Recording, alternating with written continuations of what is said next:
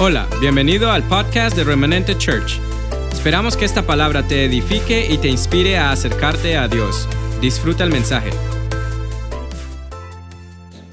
Padre, bendecimos tu santo nombre. Gracias por la bendición de estar reunidos como tu- tus hijos. Declaramos que tu Espíritu Santo esta mañana viene y trae la palabra, habla, instruye, establece e implanta, Padre. Declaro que el poder, Señor, de ese mover profético, Señor, que sale de tu boca, sea liberado sobre el corazón de cada uno esta mañana, trayendo impartición, Padre, trayendo transformación, Señor, y poder asimilar, Dios, lo que tú tienes para nosotros, en el nombre de Jesucristo. Amén y amén. Yo quiero que usted esté atento esta mañana a la palabra. Dios trae una palabra para su corazón, para su vida. Una palabra que puede marcar mucho en el próximo tiempo, en esta nueva temporada de su vida. Y donde Dios quiere marcar el propósito y el destino que trazó para usted. Y yo quiero que mire al que está a su lado y le diga, te quiero pedir un favor. Dígale, el que está a su lado. Por las próximas tres horas, no, no, no tanto. Por los próximos 40 minutos, 45, 46, por ahí. Voy a estar escuchando la bendita palabra de Dios. Dígaselo. Y te voy a pedir un grande favor, dígale. No me distraigas. Porque tú nunca sabes cuándo Dios me va a hablar. Amén. Hace ocho días estuve predicando en una iglesia de Winchester y dejé una, en un video una proclama profética que corresponde a la celebración de lo que eh, es la fiesta bíblica del Rosh Hashanah o comienzo de año bíblico eh, o cabo de año, cabeza de año. Para muchos cuando se habla del tema de lo hebreo, eh, lo asemejan o, lo relacionan con lo judío, con lo judaico, y no necesariamente. Porque si usted lo sabe, la Biblia fue escrita, el Antiguo Testamento, lo que se llama la Torah, fue escrita en hebreo. Por lo tanto, el lenguaje hebreo, el idioma hebreo en sí, tiene que ver con las raíces de lo que la palabra contiene. Entonces, cuando nosotros eh, miramos las celebraciones que, que precisamente este año de octubre, este mes de octubre, van a, suceder, van a suceder varias fiestas de las que habla Levítico 23. Por eso te hablo que son fiestas bíblicas, no son fiestas judías como suele decirse, aunque obviamente sabemos y honramos lo que el pueblo judío representa para el Señor. Pero lo que está ahí contenido en la palabra es para usted y para mí. Por lo tanto, es necesario que entendamos lo que representa cada fiesta, cada celebración, porque la Biblia habla en Levítico 23 de que son fiestas solemnes, santas convocatorias, santas convocaciones, lo que representa el mover y el reloj profético de Dios para su pueblo. Entonces yo quiero esta mañana traer a ti una proclama profética, esa proclama profética y, y, ¿cómo se llama? Desmenuzarla para que tú y yo entendamos que Dios tiene un plan, de que Dios ha trazado una dirección, un, un proyecto profético para tu vida, para este nuevo ciclo de lo que representa este nuevo año bíblico. Este nuevo año bíblico eh, está marcado por el año 5780, lo que para nosotros es hoy el 2019 o el 2020. En la Biblia está marcando el año 5780 desde la creación. Ahora, cuando hablamos del idioma, del idioma bíblico, del idioma hebreo, el, el, alfabeto hebreo contiene 22 letras y cada letra tiene una equivalencia numérica. Ahora, muchos han especulado y han usado estos números para trabajar con lo que se llama numerología. Yo quiero decirte algo y quiero que lo aprendas. En la Biblia no hay numerología, hay gematría.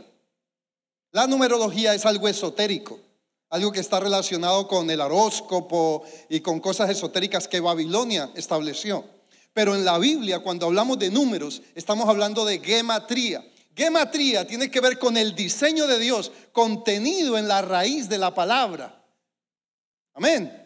Usted no necesita de esto para ser salvo, pero igualmente es importante que la palabra que te voy a traer esta mañana tenga un fundamento para que tú entiendas de qué, de qué vamos a hablar cuando hablamos de la celebración y de lo que representan las fiestas bíblicas o lo que representa el mover profético para este nuevo tiempo. Entonces, si estamos hablando del año 5780 y te decía que cada letra en el hebreo tiene una equivalencia numérica, este año el 80 representa la letra, está representando la letra Pei del hebreo. Así como eh, empieza eh, Aleph, que es la primera letra, eh, Bet, que es la segunda letra, Gimel, que es la tercera, Berechit, bueno, todo esto. Así empieza el alfabeto hebreo. Y termina en Taf, que es la última letra. Entonces la letra Pei corresponde al número 80. En el idioma hebreo, el antiguo antiguo, porque hay, ha habido tres, en, el proceso, en la evolución del idioma, han habido, digámoslo, tres clases de hebreo Está, el primer hebreo fue el hebreo pictórico o el hebreo jeroglífico o lo llamado teológicamente hebreo protocananeo. Luego estuvo el hebreo antiguo, que ya fue un hebreo que, que fue más en la época de Jesús, junto con el arameo. Y está el hebreo moderno.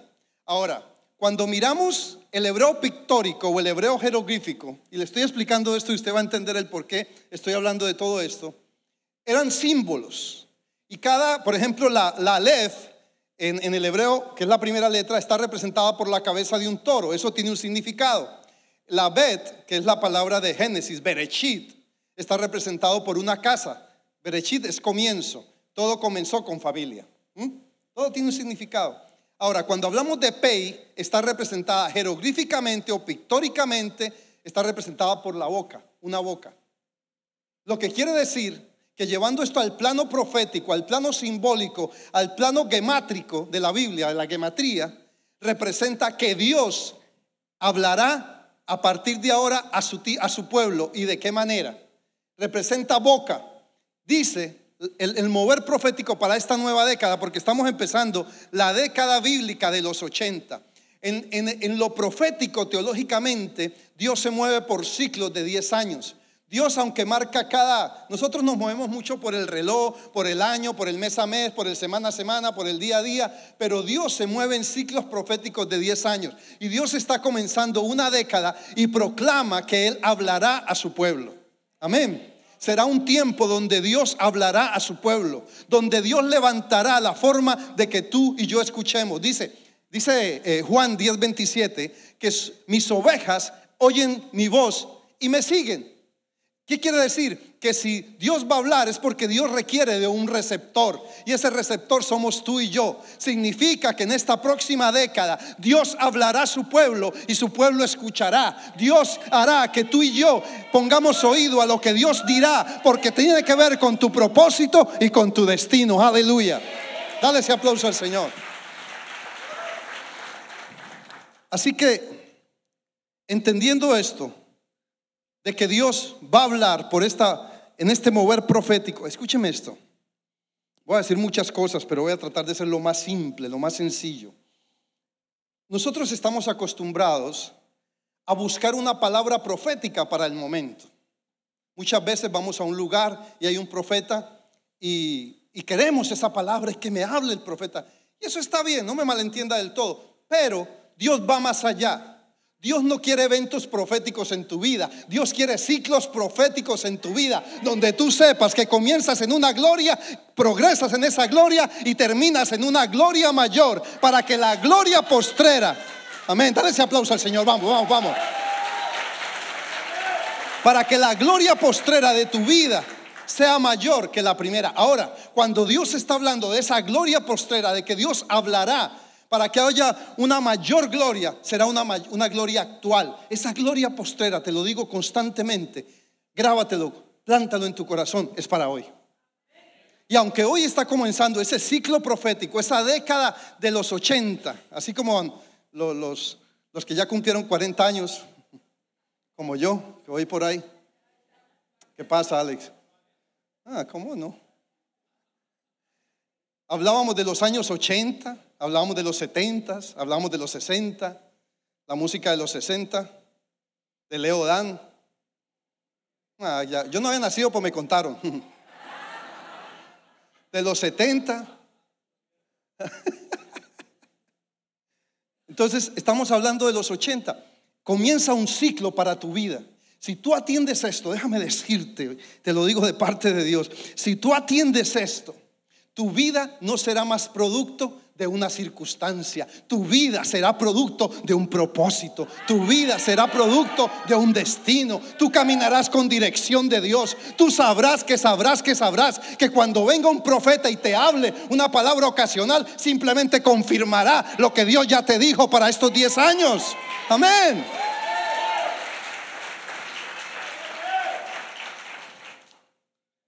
Misos, escucha esto. Dios siempre ha hablado Dios siempre ha hablado, la iglesia tiene que entrar en una cultura de escuchar.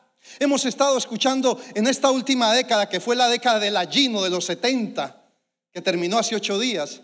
Hemos, hemos estado escuchando demasiadas voces, porque queremos algo para el momento, porque siempre estamos buscando que Dios me hable, que Dios me hable.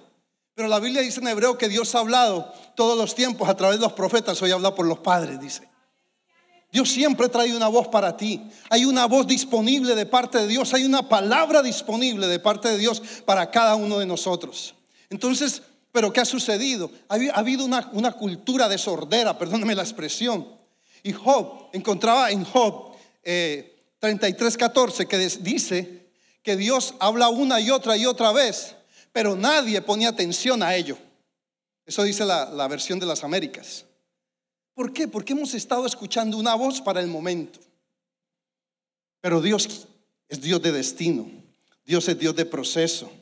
Dios es Dios que va hablando. Y escucha, cada año, durante esta próxima década, Dios marcará un evento preciso para confirmar y afirmar el ciclo de 10 años.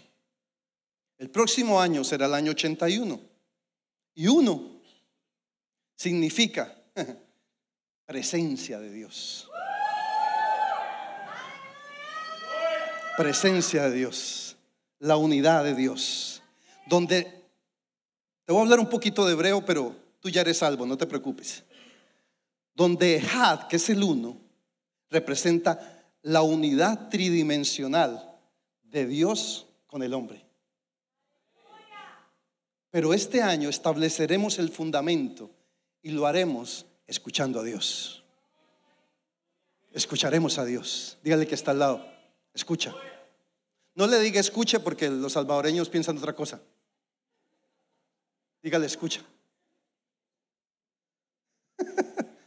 El que lo entendió, entendió. Yo y los salvadoreños me entendieron. Escucha, dile, escucha, porque Dios hablará. Entonces, Mire lo que dice Nehemías 33:14. Déjeme leerle Nehemías 33:14. Nehemías, Nehemías. Nehemías, Nehemías. Nehemías, Nehemías, Nehemías.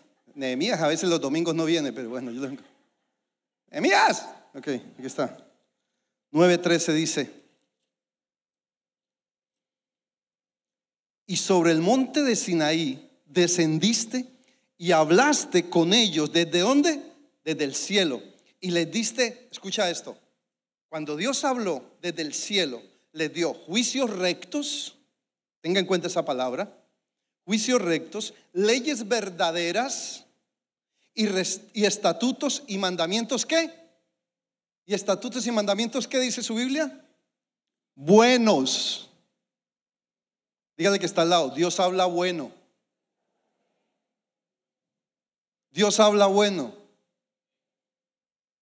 Dije que Dios habla bueno. Lo que quiere decir que la palabra que Dios hable y hablará tu vida durante este próximo ciclo será una palabra de bendición, no de maldición. De libertad, no de juicio. Por eso a mí me preocupa cuando aparecen profetas, y lo digo con respeto, trayendo solo juicios. Porque dice mi Biblia que los juicios del Señor están apartados para el fin. Hello, ¿están aquí o se fueron? Déjeme saber que está aquí, para no sentirme solito. Entonces, si Dios va a hablar, va a hablar bueno. Dígale que está al lado, Dios habla bueno. Dios habla bueno. De ahora, Dios habla bueno. O sea, si fueran colombianos sería, Dios habla rico. Dios habla bueno.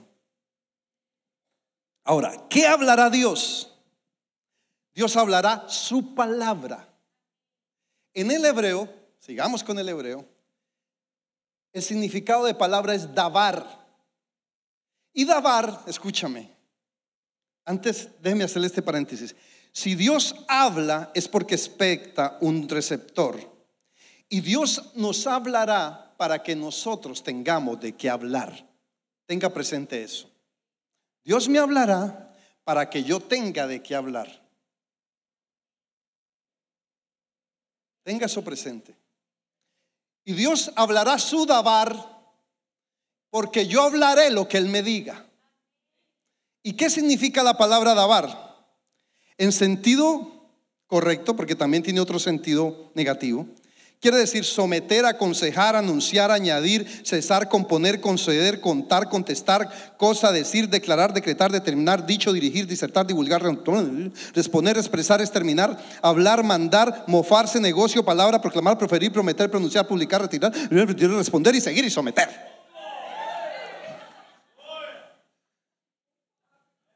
No se preocupe, usted salva. Es que ella, ella, ella es, brasilera y le está traduciendo eh, el AINE. Y, sí, y hay en inglés por allá. Ella habla rápido. Ella. Después el AINE le cuenta.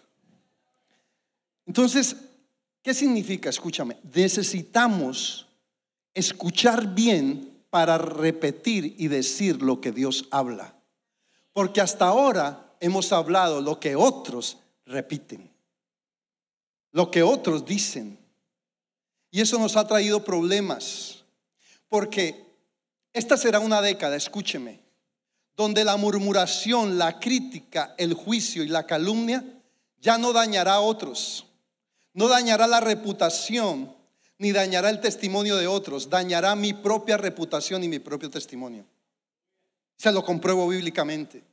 Cuando Aarón y María criticaron y juzgaron y murmuraron contra Moisés. Esto es, mire, el tema de la murmuración, el tema de la crítica, de la calumnia, del juicio es tan delicado que Dios mismo dice que bajó y los convocó a los tres al tabernáculo. Números capítulo 12, versículos 5 al 10, lo puede leer.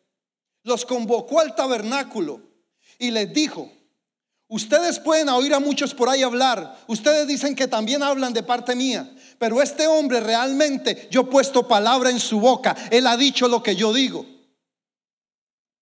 Y Dios se fue. ¿Y qué pasó con, con, con, con María? Le dio lepra. La pregunta es, ¿a quién dañó la murmuración? ¿A Moisés o a María? ¿A quién? A María. ¿A quién daña la murmuración? Cuando yo murmuro, cuando yo juzgo, cuando yo calumnio, cuando yo señalo, la murmuración me está lastimando a mí. Y es tan delicado que Dios mismo se encargará de que aprendas. Hello. Necesitamos romper la cultura del juicio. Usted sabe cuánto daño ha hecho durante la anterior década. Tanta crítica, tanta murmuración, tanto juicio. Mire, es tan fuerte y no me voy a meter en política, pero las elecciones pasadas yo dije, el que más dañe con la lengua, ese ganará. Había una guerra de palabras. Yo dije, el que más dañe con la lengua, ese logrará, ¿qué? Ganar la presidencia. Y hasta hoy tenemos evidencia de ello. ¿Por qué? Porque la lengua, la palabra, el dabar, tiene poder para construir y para destruir. ¿Qué dice Jeremías? 1, 5 al 12, dice que la palabra profética sirve para destruir, para arraigar, pero también para construir y para fructificar. Entonces, esta palabra que Dios trae hoy para tu vida es una vida que te llevará, es una palabra que te llevará a otra dimensión. Entonces necesitamos acabar con la cultura del juicio, con la cultura de la murmuración. Te estoy llamando para que oremos. Sí, ¿cómo no? Pues eso no pasa aquí. Eso pasa por en Brasil, o no mentira.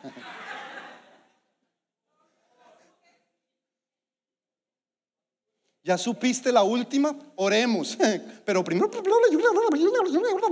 Y salen asteriscos, números y, arrobas.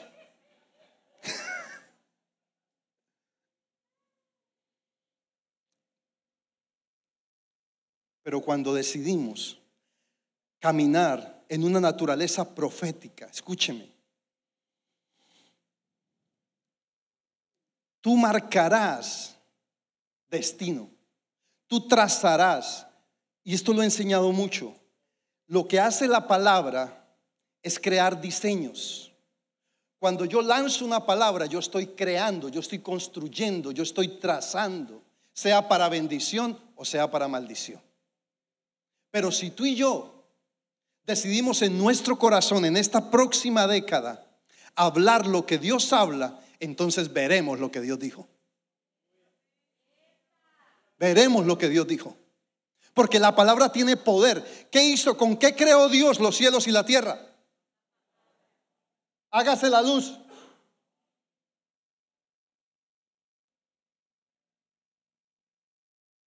Y esa palabra cuando cobra vida se encarna de tal forma que transforma vidas. Pei es boca. Dígale que está a su lado. Cuida tu pei.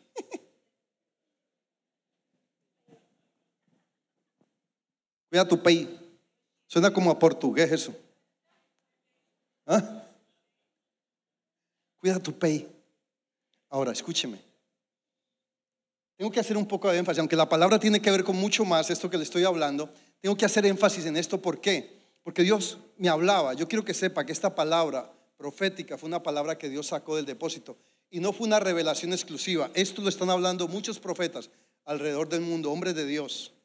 Pero fue algo que Dios me dio para la iglesia, porque como tu pastor, mi deber es hacer que tú encuentres destino a través de la palabra que haya una buena dirección profética sobre tu vida. A mí me preocupa, escúcheme, yo no soy pastor de andar detrás de la gente, porque hiciste esto, porque te fuiste para allá, porque te fuiste para acá, o que me tengan que pedir permiso para ir a otra iglesia. No, yo no soy ese tipo de pastor. Yo creo que el que de la casa es de la casa y punto. Y escogerá lo que escucha. Pero cuando tú entiendes que lo profético tiene que ver con jurisdicción, con territorio, entonces tú cuidas lo que escuchas allá afuera. Porque si Dios te va a hablar, Dios te hablará en tu territorio. Eso es lo seguro. Eso es lo seguro. La palabra profética, hay una palabra profética que es, segura, que es Cristo. Pero la palabra que aplica a tu vida es la palabra que Dios establece en tu territorio. Hello. Entonces, necesitamos cuidar lo que decimos. El pueblo de Dios no ha evolucionado en muchas cosas por causa de la murmuración. ¿Sabe algo? ¿Usted sabía que el pecado de la murmuración ya pasó de moda? Usted quiere pecar, búsquese otro pecado.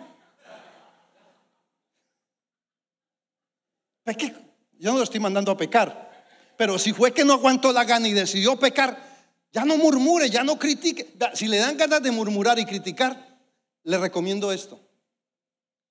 Hable de usted mismo. Párese en el espejo y diga, a mí mismo me caes mal. Si usted quiere hacerle mala cara a alguien, párese en el espejo y hágase mala cara a usted mismo. Hágase así, mire. Y así le quitan las ganas. Ah, mire, no hable mal de nadie. No critique, no juzgue, no señale, no murmure. Porque mire lo que le pasó a María. Hay gente que camina leprosamente, emocionalmente leproso y espiritualmente leproso. Entiéndame, es fuerte pero ya vio lo delicado de ello. Y porque murmurar detiene procesos, murmurar contamina el destino profético que Dios te entregó. Toda la vez, escúcheme, toda vez que el pueblo de Israel murmuró, detuvo procesos.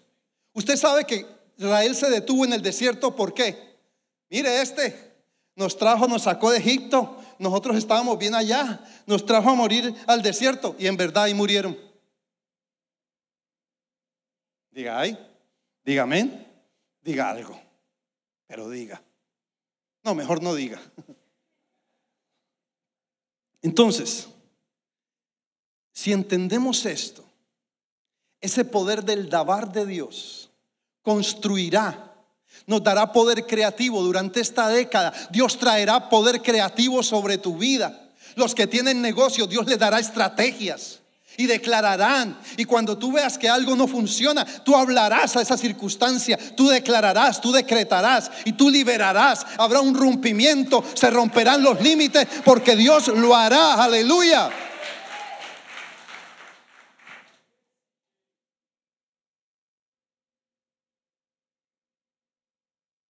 Deuteronomio 8:18 dice que Dios nos da el poder para hacer las riquezas. Y a veces creemos que es que va a venir, ¿no? Una nube, se nos va a prender la zarza. No, ese poder en el original tiene que ver con actitud. Actitud. La persona habla lo que su actitud proyecta. La actitud que yo tengo hacia algo es lo que yo voy a hablar posteriormente. Si yo tengo una actitud, por decirlo de esa forma, positiva, lo que yo voy a hablar es... Si yo tengo una actitud negativa, lo que yo voy a hablar es negativo. Cuando yo entiendo, si yo soy un receptor de la palabra de Dios, mis ovejas oyen mi voz y la siguen. Si tú y yo somos un receptor de Dios, Vamos a hablar lo que Dios habla. Y cuando hablamos lo que Dios habla, liberaremos el corazón de Dios en nuestra vida y continuamente crearemos de acuerdo a lo que Dios ha dicho. Amén. Amén.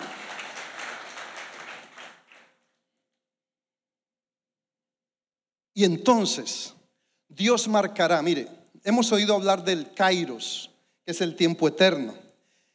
Diríamos que este ciclo de 10 años está dentro del Cairo de Dios, pero cada año, el 81, el 82 y así sucesivamente, marca lo que en hebreo se llama Moed, que es un tiempo específico de Dios contigo.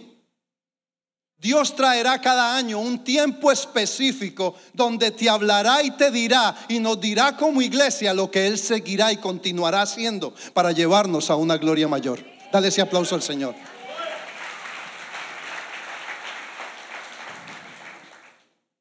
Porque será un tiempo de rompimiento. Será un tiempo donde tú romperás los límites en los que fuiste levantado Fuimos levantados en límites familiares. Fuimos levantados en voces que escuchamos. Hubo voces del padre, de la madre, de la abuela, de una relación, de un esposo, de una esposa, de un novio, de una novia, de un amigo, de una amiga que nos limitaron. Dios traerá un rompimiento sobre tus límites. Esas voces que te dijeron, tú no puedes, eso no es para ti. ¿Quién te dijo que tú eras capaz? Y escucha esta. No hay plata, somos de una familia humilde. No hay plata, somos de una familia humilde. Cuando a mí, Proverbios 22, 4 me dice que la humildad tiene que ver con riqueza, con vida y con honra, no con pobreza. Dale ese aplauso al Señor.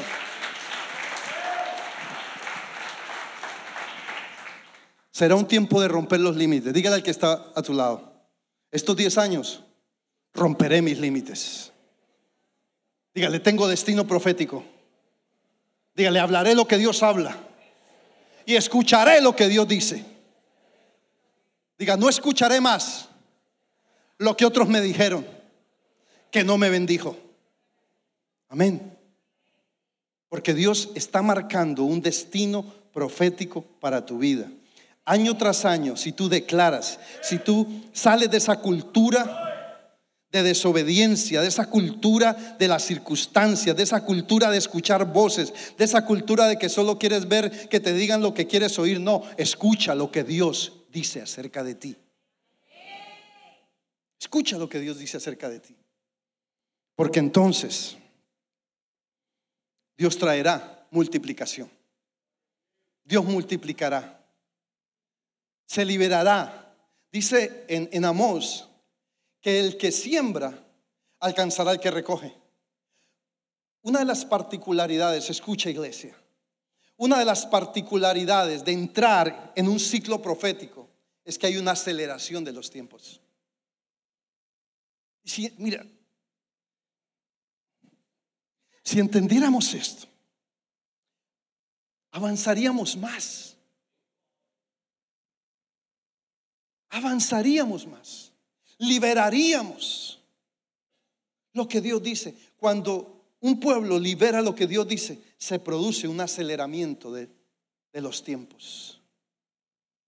Y las glorias que Dios ha prometido se liberan. Y entonces tú verás que lo sobrenatural se vuelve constante en tu vida. Por causa del mover profético. Y Dios traerá multiplicación, porque habrá aceleración. Y el que, dice Amos, y el que, Amos 9, y el que siembra, alcanzará al que cosecha. Y el que cosecha, alcanzará al que siembra. Tiene que ver con tiempo de aceleración. Eso es lo que lo profético hace. Y, escúcheme, cuando hablo de lo profético, tenemos que romper un poco el esquema, el paradigma, el, patrón, el, el pensamiento de que para escuchar lo profético solamente tiene que haber un profeta. No.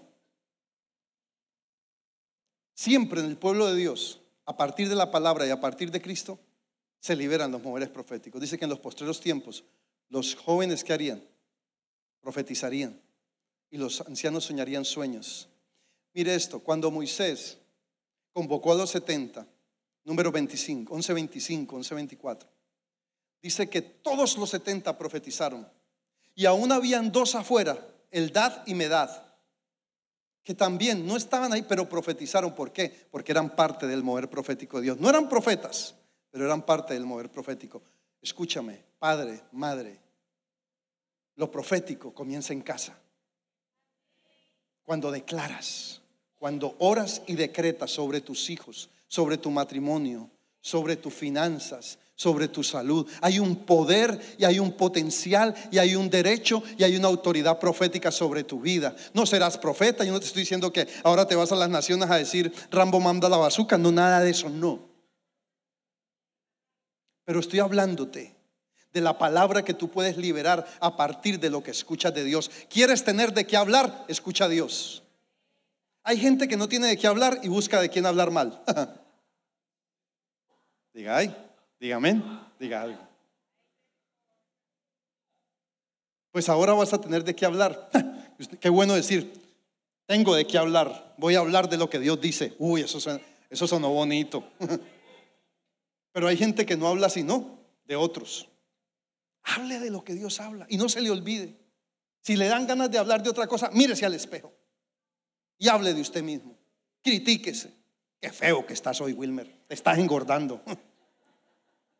Mira cómo te queda. ¿Viste que zapatos café con pantalón azul? Está raro eso.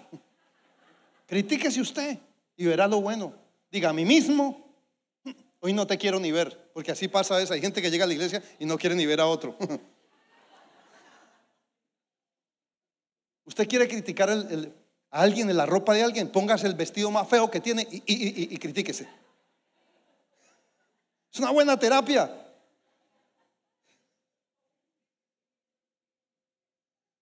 Si usted quiere criticar a otro porque está gordo gorda, póngase una camiseta apretada y mire al espejo.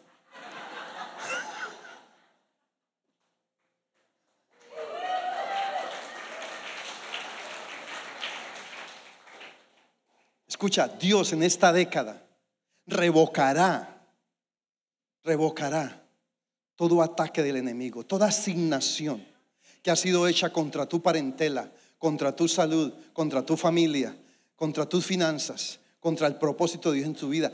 Dios avergonzará al enemigo y no te avergonzará a ti. El tiempo de la vergüenza, escúcheme esto que le voy a decir, porque es que la iglesia tiene que romper la vergüenza. Es que Dios, hemos usado la palabra para atacarnos, es que no hay cosa oculta que no quede revelada. Y entonces usamos eso para avergonzar a los demás, para sacarle los trapitos al sol a otro. ¿Usted cree que Dios es chismoso? Entonces, ¿usted cree que Dios está interesado en avergonzarlo a usted? Pero nosotros hemos acostumbrado a eso. Es que la palabra dice que todo sale a la luz. Sí, pero está hablando de la revelación.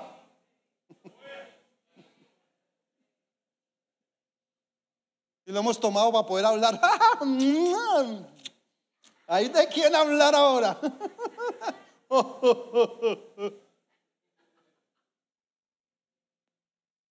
y entonces destruimos gente con la lengua. Cuando Dios lo que hace es restaurar, sanar, instruir. Si usted ve a alguien que está pecando, vaya, acérquesele con amor. No empiece a hablar ese lenguaje evangélico religioso que a veces usamos, empezando porque si alguien no ha vuelto a la iglesia le decimos, qué milagro.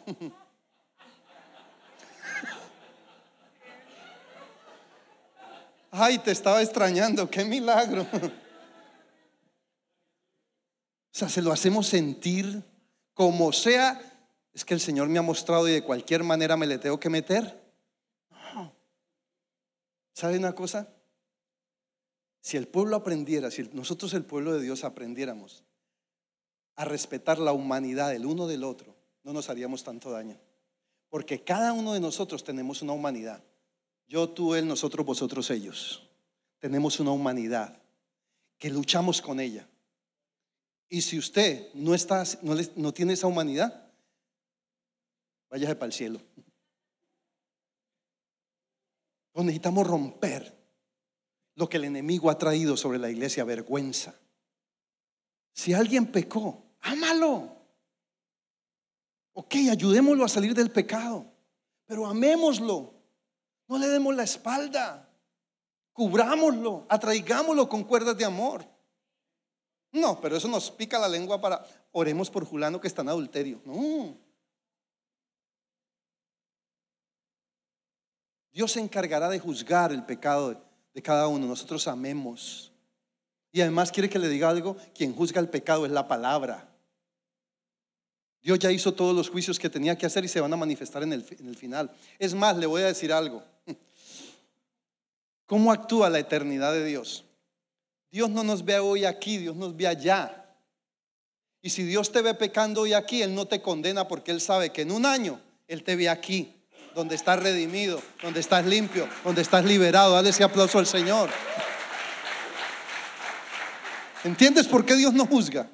Porque es que Dios no te ve aquí en el pecado, Él te ve en Cristo y en Cristo te ve redimido. Ahora, no se va a ir a pecar que porque tiene un año para dejar de pecar. No, no, no, no. Es que todo lo malinterpretamos. No, si pecaste, bueno, pero ¿qué pasa? que la eternidad de Dios, Dios te ves allá. No, nosotros aquí. Lo pisoteamos. Por eso es que el diablo ha usado la vergüenza para destruirnos, para dañarnos. Y Dios va a avergonzar y desenmascarar al diablo, no a mi hermano.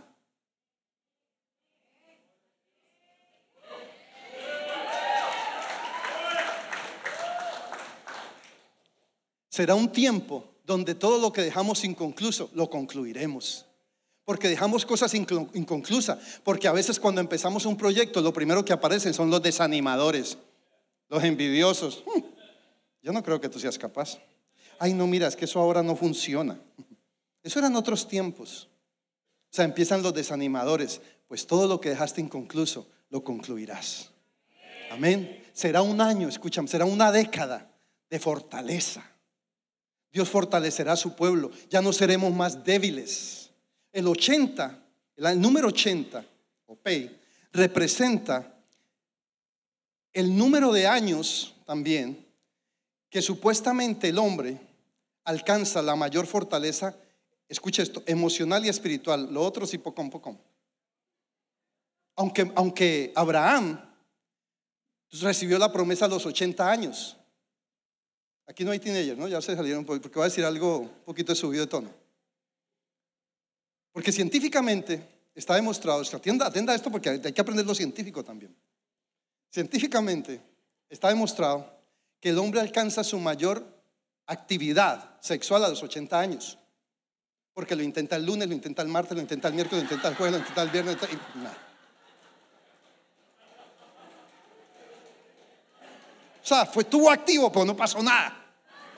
Al único que le funcionó fue Abraham, que a los 100 años tuvo hijo. Bueno, a los 76, porque, 86, porque nació Ismael. Entonces, es el año 80, es el año de la fortaleza, la década de la fortaleza. Donde se acabará con esa debilidad emocional que la iglesia ha vivido. Déjeme decirle esto. Ha habido que lidiar en esta década profética tanto con el dolor de la gente, me hicieron, me lastimaron.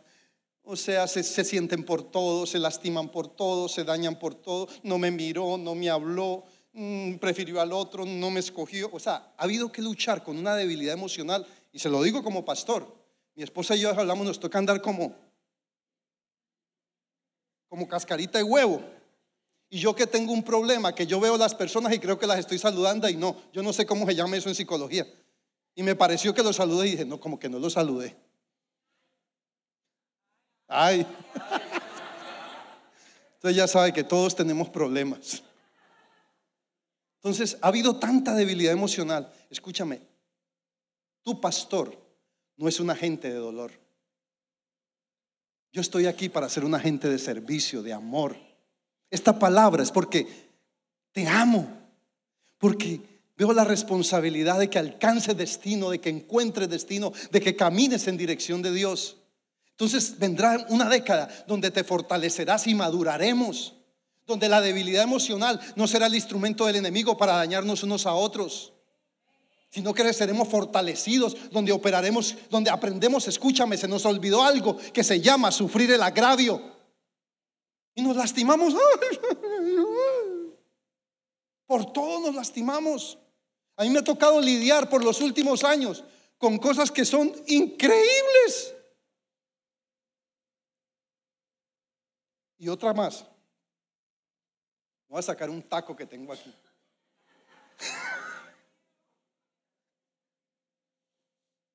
Dígale que está a su lado. Tranquilo, el pastor nos ama.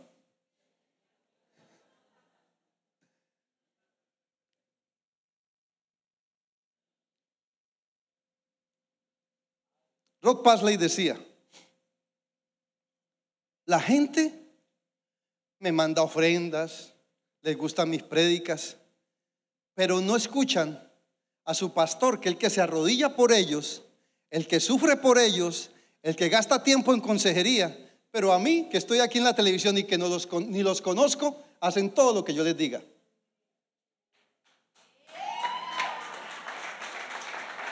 El que la entendió, la entendió, dijo Suso. Pero escucha algo más. A veces hay gente que va a otro lugar y vienen y me dicen, porque yo soy abierto, yo no tengo problema con que la gente escucha, aquí hay libertad, el que es de casa vuelve a casa, no hay problema. Pero vienen y me dicen, pastor, si era la palabra que, wow, ese no, pastor. Y yo por dentro, cabezón, es lo que te está hablando por 10 años. Porque no apreciamos, escúchame, ni escuchamos lo que Dios nos habla en casa. Diga, ay, dígame. Tengo un fresquito. No escuchamos lo que Dios dice en casa, pero Dios hablará a su pueblo. Dios traerá fortaleza. Seremos fortalecidos emocionalmente. Dios sanará las heridas. Esta, esta, década creceremos en acción y en liderazgo, conquistaremos territorios que el enemigo haya invadido, a nivel de familia, a nivel de matrimonio, a nivel de los hijos, a nivel de la iglesia, a nivel de negocios, conquistaremos territorios que antes el enemigo tenía dominados. Pero si escuchamos lo que Dios dice, vuelve a escuchar lo que Dios te ha estado hablando. Pon atento tu oído, toma tiempo Toma tiempo para que Dios te hable. ¿Y cómo? Saca tiempo. Para cinco minutos, empieza a ejercitar tu oído, aunque sea cinco minutos, y escucha lo que Dios quiere decirte. Después vas aumentando y vas a ir adiestrando tu oído para escuchar la voz de Dios. No se necesita ser ni un religioso, ni un, ay, entrar en un trance Oh, por las nubes, ya voy llegando al primer cielo, segundo cielo, tercer cielo, hay un semáforo en rojo. No, no, no. Simplemente pon tu oído para el Señor y el Señor te hablará. Y sucederán estas cosas, te lo garantizo. Tiene tanto poder el destino profético, el ciclo profético en nuestra vida, que trae una dirección que cuando nos encaminamos en ella, nuestra vida empieza a ser transformada. Yo te puedo decir, yo soy fruto de eso. Cuando aprendí esto, hace unos años, mi lenguaje cambió, mi actitud cambió, aprendí a escuchar diferente, aprendí a escuchar a Dios y a caminar en lo que Dios ha dicho. Y han pasado cosas difíciles porque suceden, pero ¿qué hago? Sigo escuchando lo que Dios dice, no lo que otros dicen. Porque cuando tú estás enfermo, todo el mundo viene y te dice, hmm, ahora sigue esto. Es como cuando las mujeres están embarazadas. Ah, mi hijita, no. Cuando nace el niño, no le dé esto, no le dé aquello, no le dé el sereno, no le dé allá, no le dé acá. Porque escuchamos, tenemos una cultura de voces. Pero cuando aprendes a escuchar lo que Dios dice, tu vida es transformada. Tu vida cambia. Mira, trátalo. Adiestra tu oído para escuchar a Dios porque Dios te va a hablar todo el tiempo esta década. Dios dice, tanto así que un pasaje que dice que Dios levantará las piedras para que hablen.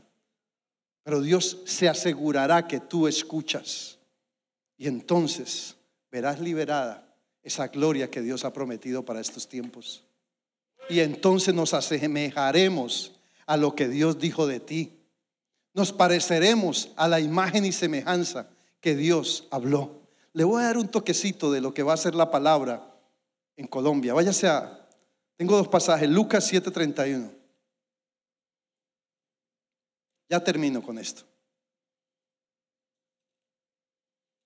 Lucas 7:31.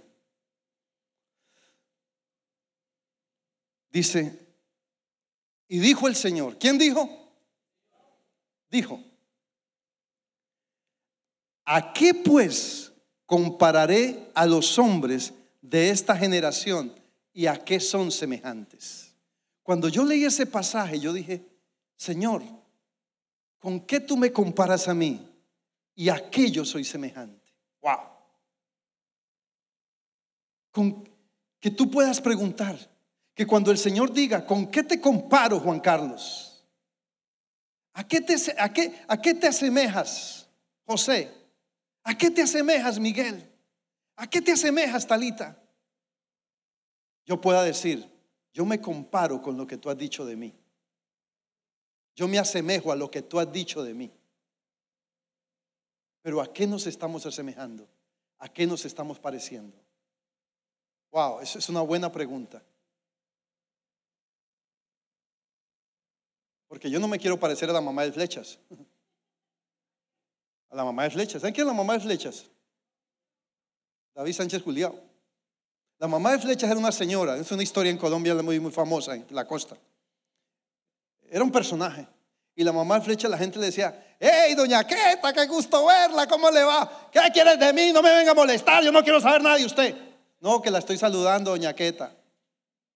Así, porque nos parecemos a lo que las circunstancias nos muestran. Nos parecemos muchas veces a lo que otros dicen de nosotros. Pero Dios quiere que te parezcas a lo que Él dijo de ti, porque Él te hizo a imagen y semejanza de Él. A eso es que Él quiere que tú y yo nos parezcamos. Dale ese aplauso al Señor. Póngase de pies. Y entonces veremos que la bendición alcanzará nuestra casa. Métase en este río de Dios, en lo que Dios ha hablado, en lo que Dios le hablará en estos próximos años. Y usted va a ver ciclos constantes ¿Por qué? Porque Dios romperá todo lo que el enemigo. ¿Sabe una cosa? Se romperá aquello que usted de pronto va muy bien y de pronto todo se viene al piso y usted dice, pero ¿qué pasó? Porque no establecemos ciclos proféticos, sino que vivimos de circunstancias, vivimos de momentos. Ay, tengo que vivir el momento bueno que estoy viviendo. No, vive el ciclo que Dios estableció para ti y verás una gloria nueva. Y entonces la gloria postrera la disfrutarás hoy. Aleluya, Padre. Venimos delante de ti y declaramos, Señor, declaramos públicamente delante de los cielos y de la tierra que escucharemos y diremos lo que tú dices, Señor. Declararemos, Señor, lo que tú dices y estás seguro y expectas que tus ovejas oyen tu voz y te siguen, Señor. Yo seguiré tu voz. Dígale al Señor, yo seguiré tu voz, Señor. Yo seguiré tu voz. Dígale, Señor, yo caminaré yo caminaré en lo que tú has hablado de en mí. lo que tú has hablado de mí. Diga, yo cierro mis oídos Yo cierro mis oídos a otras voces a otras cosas que están en contra de mi destino profético. que están en contra de mi destino. Diga, yo tomo esta proclama profética y la libero sobre mi vida. y la libero sobre mi vida. Para caminar para caminar. y para que sea hecho en mí, y para que sea hecho para que cobre vida y para que mi- lo que Dios ya habló, lo que lo que ya Dios estableció lo que Dios ya establecido acerca de mí. acerca En el nombre de en Jesucristo. el nombre de Jesús. Diga, declaro Declaro que se provoca un rompimiento en mi vida, que se provoca un que se rompen los en límites que se rompen los que hasta ahora me detenían. Declaro en el nombre de Jesús que habrá un incremento en mi casa, en mi matrimonio, en mi familia, en mis hijos. Diga, mis hijos comerán del bien de lo que Dios ha dicho. Aleluya. Diga, recibo fortaleza Recibo y declaro y declaro que caminaré en gozo, porque el gozo, porque el gozo, el gozo del Señor el gozo del Señor es mi fortaleza. es mi fortaleza. Aleluya. Diga, Aleluya. cuando Dios pregunte Cuando Dios pregunte, con qué estoy comparado ¿con qué soy? y a qué me asemejo, entonces diré, Entonces, soy hecho a tu imagen y soy semejanza. hecha a la imagen y semejanza En el nombre de Jesús. en el nombre de Jesús. Padre, yo declaro, Padre, Espíritu Santo. Que la gloria tuya cubre cada vida. Que esta palabra se libera, se establece, se implanta en el corazón de cada uno. Yo declaro, yo profetizo sobre tu vida que tú escucharás a Dios. Que toda cosa que obstaculizaba oír es quitada de tus oídos, de tus sentidos espirituales. Yo declaro que tus sentidos espirituales en el nombre de Jesús se liberan y se adiestran para escuchar a Dios. En el nombre de Jesucristo. Amén. Y amén. Dale ese aplauso al Señor. Esperamos que este mensaje haya sido de bendición. No te olvides de suscribirte a nuestro podcast y seguirnos en Facebook e Instagram arroba remanente church.